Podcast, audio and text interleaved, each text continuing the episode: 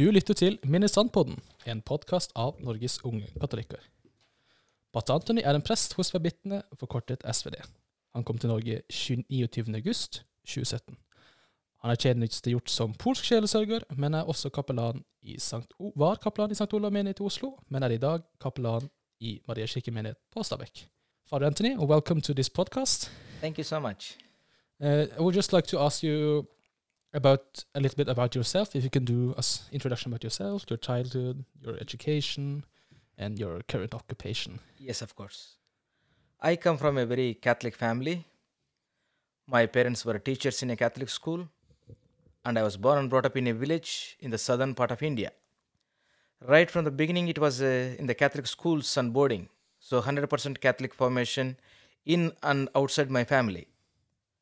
And you need to understand that going to a pri- private school means parents have to spend a lot of money. And I belong to a religious Catholic. Uh, I am a religious Catholic priest in the Society of the Divine Word, as you said in short, SVD. Presently working in Maria Shirik in Stabekk, attending to the pastoral needs of the entire parish. And just to have an altar uh, service perspective, uh, can I ask you how you were introduced to altar serving? Yeah. In my parish, where I was born and brought up, all the boys were altar boys in the parish, and there was a big group of boys at the altar. How many boys uh, do you think there was uh, approximately? Oh, there were more than 50. Whoa, Yeah. that's uh, more than the average uh, parish.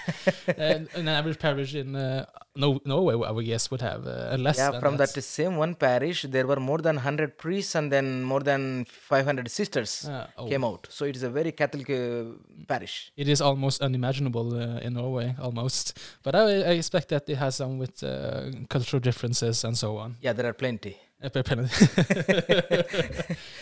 um, and also, what made you become an altar server? Yeah, it was obvious for everyone that all the children followed the priest.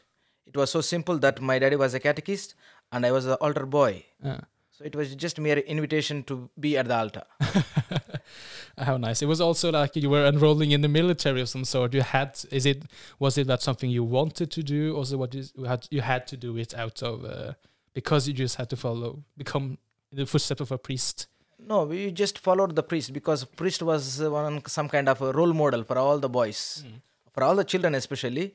But when it comes to the boys, especially, we had extra uh, care by the priest Mm. to come to the church and to do a lot of things in the church. So, by uh, you joined because uh, you looked up to the priest because Yeah. saw- it was a positive role model for you. Yes, exactly. And how was it? How was it? How did you experience it becoming an an altar server? It was a fantastic experience. I loved it. And you have to experience it by yourself to understand. I do. I have uh, I have been an altar server now for approximately Yes, I remember uh, you. eight. I uh, have seen you. ten years, and uh, you have seen me sometimes in uh. St. Olav when Yeah. you were a chaplain there. Yes, exactly. Uh, and now, just just just to be a little funny, what is the biggest mistake uh, you have done as an altar server? Yeah, there were some times when I used to put on the vestments of the priest Yep. in the sacristy when nobody was there. But Mm. then one day I was caught because Oh. I'm a short guy and then the priest was too tall. Yeah. So I was walking around. so it was funny thing. It, it happened a few times, but then I was caught once. Uh, I see. Oh, but that's just wonderful. And do you have any fond or fun memories from being an altar server? Yeah, that uh, being an altar server also made me to celebrate mass many times as a kid to the boys and girls in my village, and they were my audience and pa- participants. Used normal bread, what my mummy made for the mass, and distributed to them. Uh, In a way, just imitated the priest. aha. Many people in my village were telling my parents that I would become a priest one day. Ah, It was something like a prophetic call. so you started from a young age then, the introductory seminary training almost. Almost like from, the womb of the mother. How absolutely wonderful. And on to the next uh, question. Yeah. What is your perspective on altar serving? There, I don't think there is any universal definition. Yeah, in my point of view, I could say that it is a one of the good ways of formation. It is a formation to be a good human being in the society. Mm. A good. Uh, what would a, what would a good human being in be in the society? Uh, there are many good qualities related to be to the altar server because he is close to God and close to people, and he is uh, mediator in many ways between the parish and the people. And do you think that yourself, that you were an altar server from a young age, that this has contributed to something positive in your spiritual journey? Yeah, indeed, a lot. I thank God for it. And what I am today is also because what I was, I was almost every day in the church. I always like the adoration of the Blessed Sacrament, and now as a priest, I am so close to and touching Him every day. When I take the keys into my hands and open the tabernacle, this kind of feeling or experience cannot be expressed in words. So it's a, it's a feeling then. It's not something you can explain.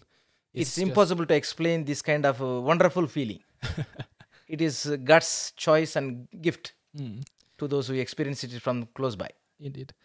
And uh, just just a question then: uh, Are there any differences, major differences in uh, altar servers here in Norway compared to your native home of India in regard to either cultural differences or uh, Yeah. ritual differences? I understand that uh, Syro Malabar is Yeah, something. You- Malabar, Syro Malankar we have in India, other Ah. than only the So Roman Catholics.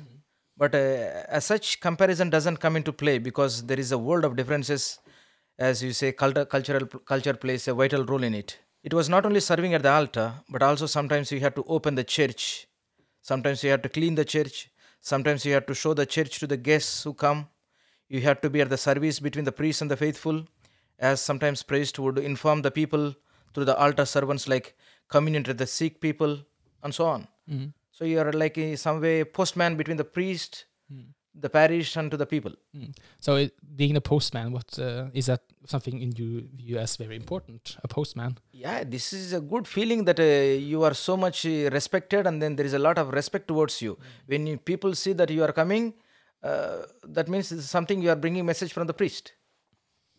Indeed, that's actually uh, something uh, I re- I noticed initially when I was uh, an altar server myself. That Yeah. I was very visible, and people began to recognize me. Exactly. And uh, when they said, "Oh, it's you again. Are you g- going to serve today?" I was going like, "Oh, I'm not on the list because there is already." You had a list. Uh, that person was going to serve on that mass, and that person Yeah. was going to serve on that mass. But uh, initially, I was just like this uh, usual boy who went to mass uh, with my parents and so still and did it did it all and yeah, people will observe you. yeah People will recognize you even outside the church. so it's a good feeling. yeah it is so being as as an altar server you are very visible and Yeah. people will immediately start to recognize you because uh, Catholics are very keen observers in the mass Yeah. so you it won't go unnoticed and this is also another way of uh, inviting to the uh, priestly call because people looking at you they think that okay this pri- this boy is doing wonderfully close to the church. So behaving so properly so piously so religiously so one day he can be a priest. So they also start pr- praying for you sometimes. Mm. so you don't know this one but then this can happen Oh yes, I uh, suspect that uh, my mother. Uh, she hasn't said it, but I know this is uh, a mother's intuition that she's probably praying.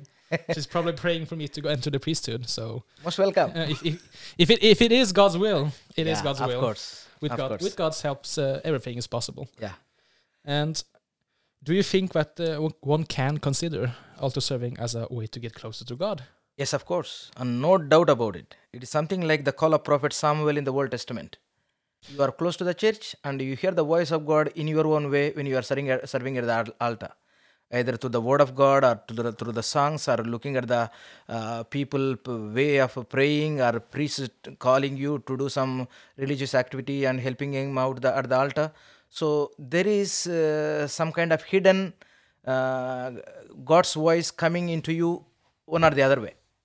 And one experience I would like to uh, t- take forward is praying before the Blessed Sacraments. Yeah. That is, I have uh, experienced it myself. It is something that you have said earlier. You can't explain it. Exactly. It's just this feeling uh, that something's there, that there's a presence there, and that you feel uh, something else and more.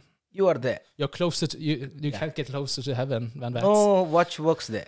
Yeah, All watches stop when you are with God and God is with you. time just stops and you know he's there and it's just a wonderful experience and uh, i also experienced that uh, confession Yeah. during adoration of the Blessed Sacrament is uh, like Alpha and Omega. It's Yeah. supposed to be there. You just you go into confess your sins, and then you come out, and Jesus is there, and it's just uh, a He wonderful, just open arms, waiting wonderful for you. Yeah. combination. Yeah, that's why during the confession, uh, eh, during the Blessed Blessed Sacrament adoration, you, when there is confession, they w- do it does miracles. Indeed, it does.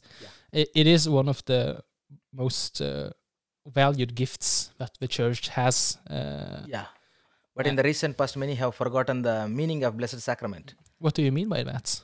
Not in every church you have this opportunity, not because of COVID alone, but then people have uh, they come for the mass and then they run away after the mass. Ah, oh, I see. Yeah, Th- that is a shame, really, because uh, adoration is something in itself. it is i- part of the uh, Catholic formation, Catholic training, religious practice. the mass is, of course, very important, uh, Ah, of uh, course. one shouldn't uh, un- recognize that. But it is blessed, the Blessed Sacrament is a certainly a very worthy addition. Many, many saints had a uh, very high de- devotion to the Blessed Sacrament. Do you have an example of uh, saints that? Uh, yeah, Saint John Maria Vianney. he spent hours and hours before the Blessed Sacrament. and uh, it is uh, in my parish uh, in, in Kristiansand when I was there. Yeah. Every Tuesday we had it uh, on a usual scale, and uh, every first Friday Yeah. of the month. Mm. And there was uh, lots, lots of people who came and uh, came with their problems and their sins, and uh, confession was always uh, a long it was al- Yeah. always a long line. And I would just like to put forward Polish people as an example of uh, confession. Yes. I think that for some Catholics, they have a different perspective uh, in regard to confession that the Polish people have, and I really look up to Yeah, Polish people. they give good example in it. uh, and uh, when they, that they're actually very good at going at confession. Yeah. Uh, Because in Polish tradition, there is something called uh, first Thursday of the month, dedicated to the uh, Jesus Christ who initiated the Blessed Sacrament, the Eucharistic celebration, the priesthood. So it is first Thursday of the month. Then they have a practice uh, confession going for the first Friday of the month. It is on every first Friday of the month. Uh, it's uh, we look forward uh, towards the Golgotha, Calvary, and first Saturday of the month it is also dedicated to Our Lady. So and first Sunday of the month it is uh, usually for the way of the, uh, the for the Rosary for all the people who belong to different groups of Rosary, Marian groups. So all these first Thursday, first Friday, first Saturday, and first Sunday, usually we have more people going for the confession when it comes to Polish. oh, indeed. Yeah. Oh, so that it's, it's about this routine then. They have a certain routine. It's in their blood. Yeah, they feel that uh, at least minimum once a month they need to go to for the confession. It's not because the sins, but uh, they want to cle- uh, clean up themselves any minute things which is in their heart. In their heart. So it's a wonderful training and formation which these Polish people have got. Uh, I, I won't. I, I won't ask you exactly what you hear in the chair, but I was uh, going to ask you: Do you feel touched sometimes Oh, by yeah. sitting in confession? Yeah, it happens. Because it must be a rare experience that uh, us laymen, Yeah. lay people, can't actually relate to. So, as a priest or the confessor, when you sit in the confession, when you hear some uh, confessions of this kind, very unusual, then you think, oh, it is worth sitting even for hours Mm. for the sake of this one person. How, uh, just for curiosity, how long have you actually sat in the chair? Oh, yeah, I sat uh, even up to four to five hours at once without uh, getting up.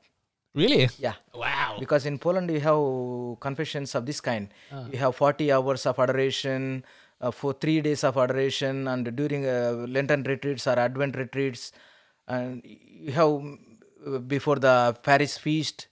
You- Before not only before the Christmas or before the Easter, they have this kind of extra practices, and this is the time of confessions, and so they have long, long confessions. Even they write down in the papers, sometimes five papers, ten papers, and they, they ask Father, "Can I read out? Can you give me little light? p- Put on the light so that I can read out, uh, so that I don't make a mistake in, in it." so it is. There sometimes they take appointment with the priest, Yep.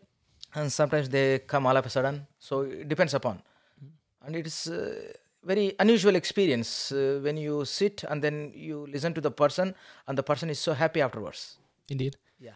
There is some uh, a liberating feeling. Yeah, it is like the prodigal son who is very happy once he is received by the father. Uh, and uh, I would just like to ask you these questions. Uh, I would just like to say that sometimes I struggle myself going to confession because uh, I have this close relationship with priests. Mm. So it is very weird for me to sometimes go to confession. I have to admit, I do go to confession at least uh, two times a year, Okay. as every Catholic should. But Mm. I still find, uh, like many other Catholics, I assume, struggles with going to confession because sometimes we feel so close.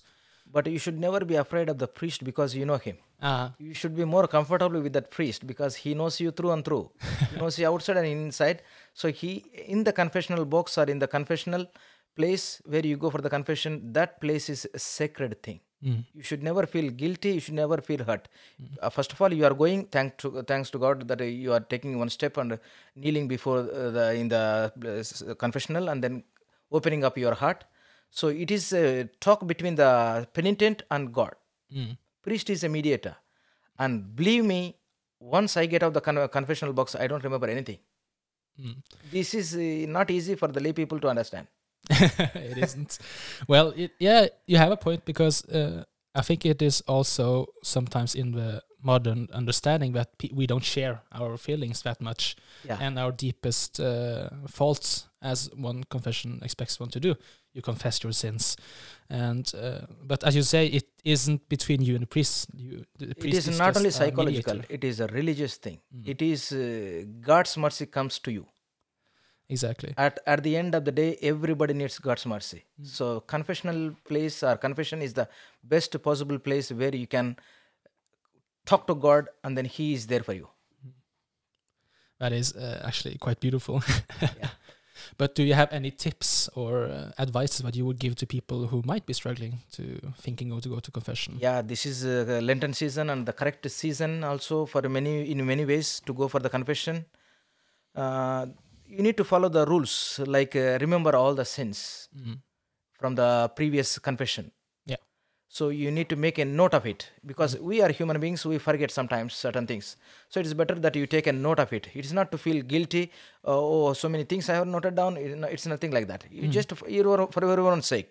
And once you pen it down, write it down, then you know that okay, this is something important thing. I should never forget again. Then you have to regret for your sins and then you have to make a something like a personal vow. I should not commit this sin again. Because this is bothering me. This is taking peace of my my, my mind. I am not able to sleep with it. So now after making these three steps then i go to the confession. Because uh, sometimes some people go to the confession thinking that oh a priest is there so i go for the confession. It should not be that way. Mm. it is like it should be the life of the prodigal son.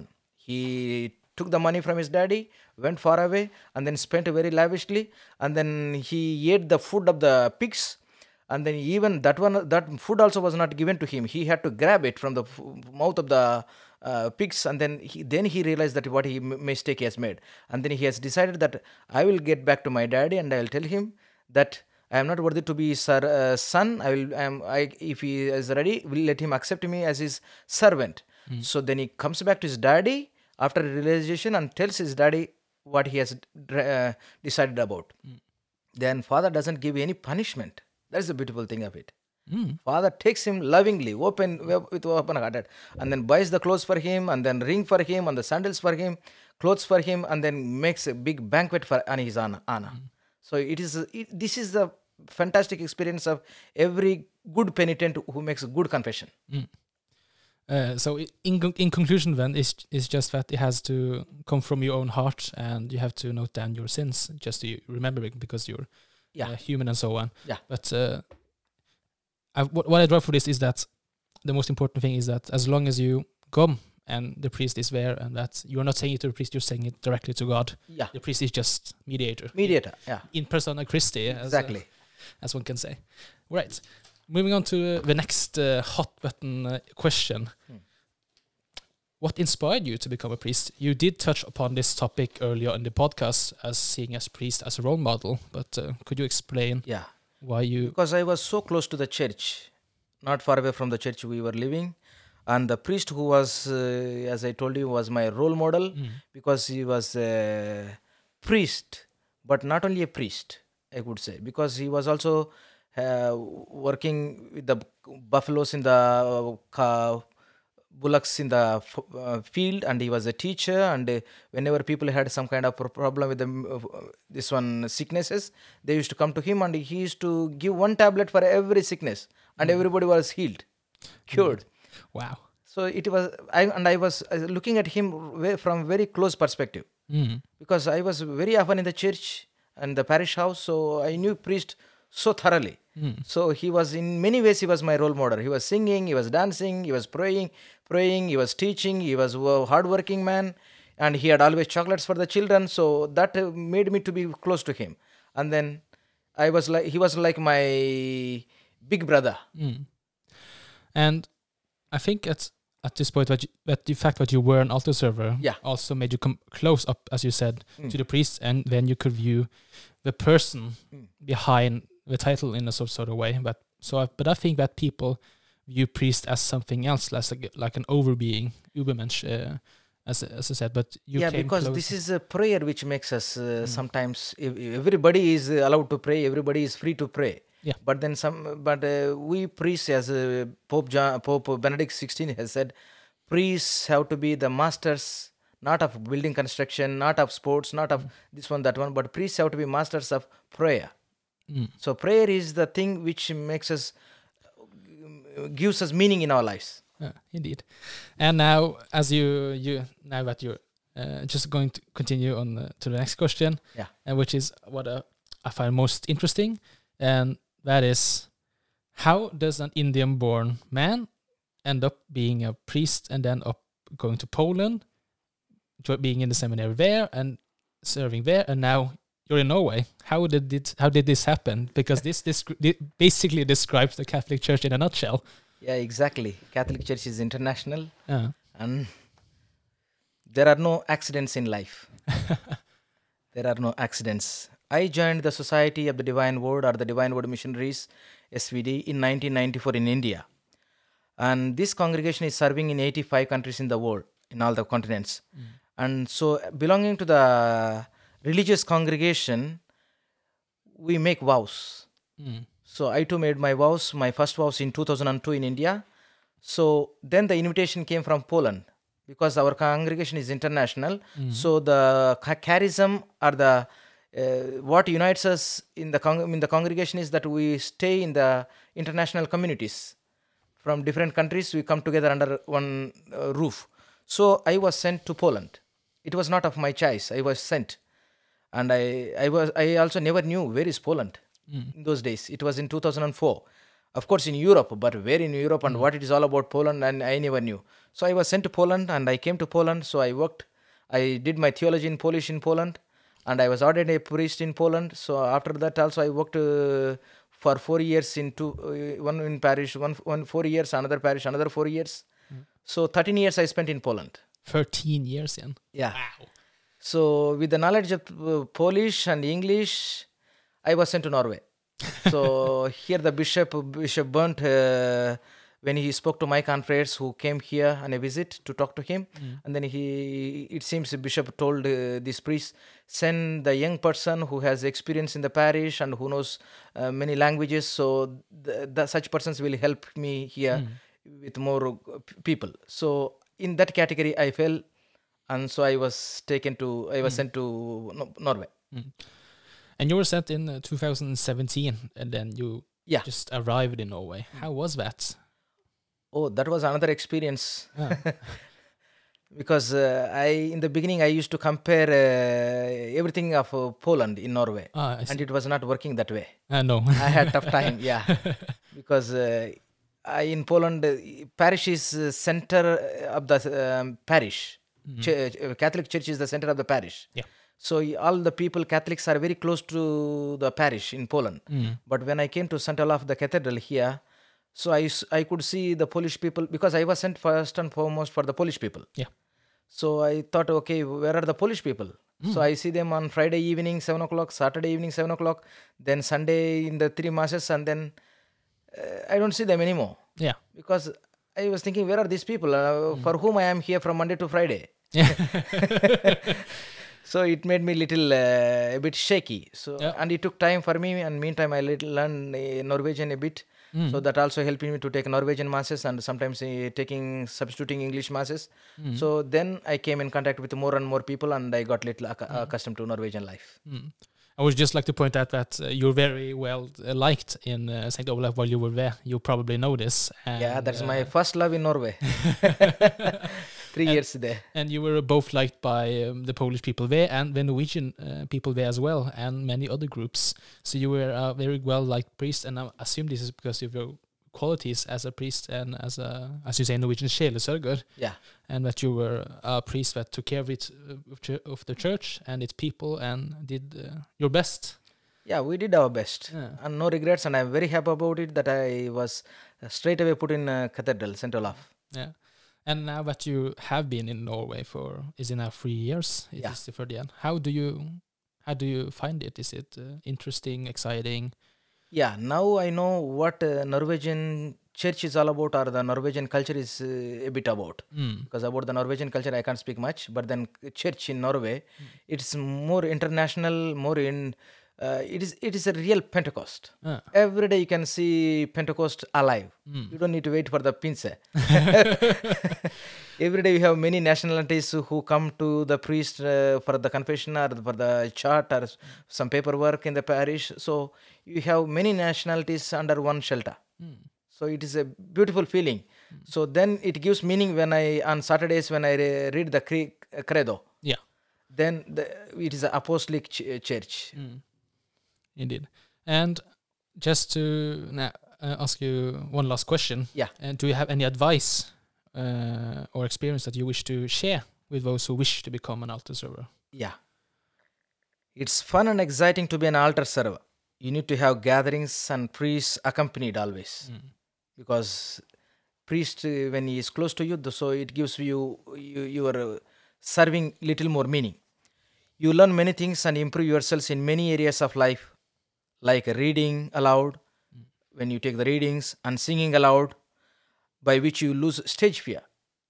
So you develop group building tactics because when you may come and uh, uh, meet together in many groups uh, very often, so you learn how, one another how to support one another. And thanks to this experience, now I love to see not hundreds but thousands of people before me in the church. You also learn discipline. You begin to respect others because there is a lot of sharing and sacrifice involved in being an altar server. As the all the altar servers don't get always what they want while serving. I have met many people who were sometimes in their life altar servants and nobody regretted so far. I would say to all the Catholic children and youth, give a try and the bliss of serving at the altar for which you will never regret in life. It's not that all the altar servers become priests or nuns. Rather, no doubt, you will become disciplined person in life. You will learn service mindedness.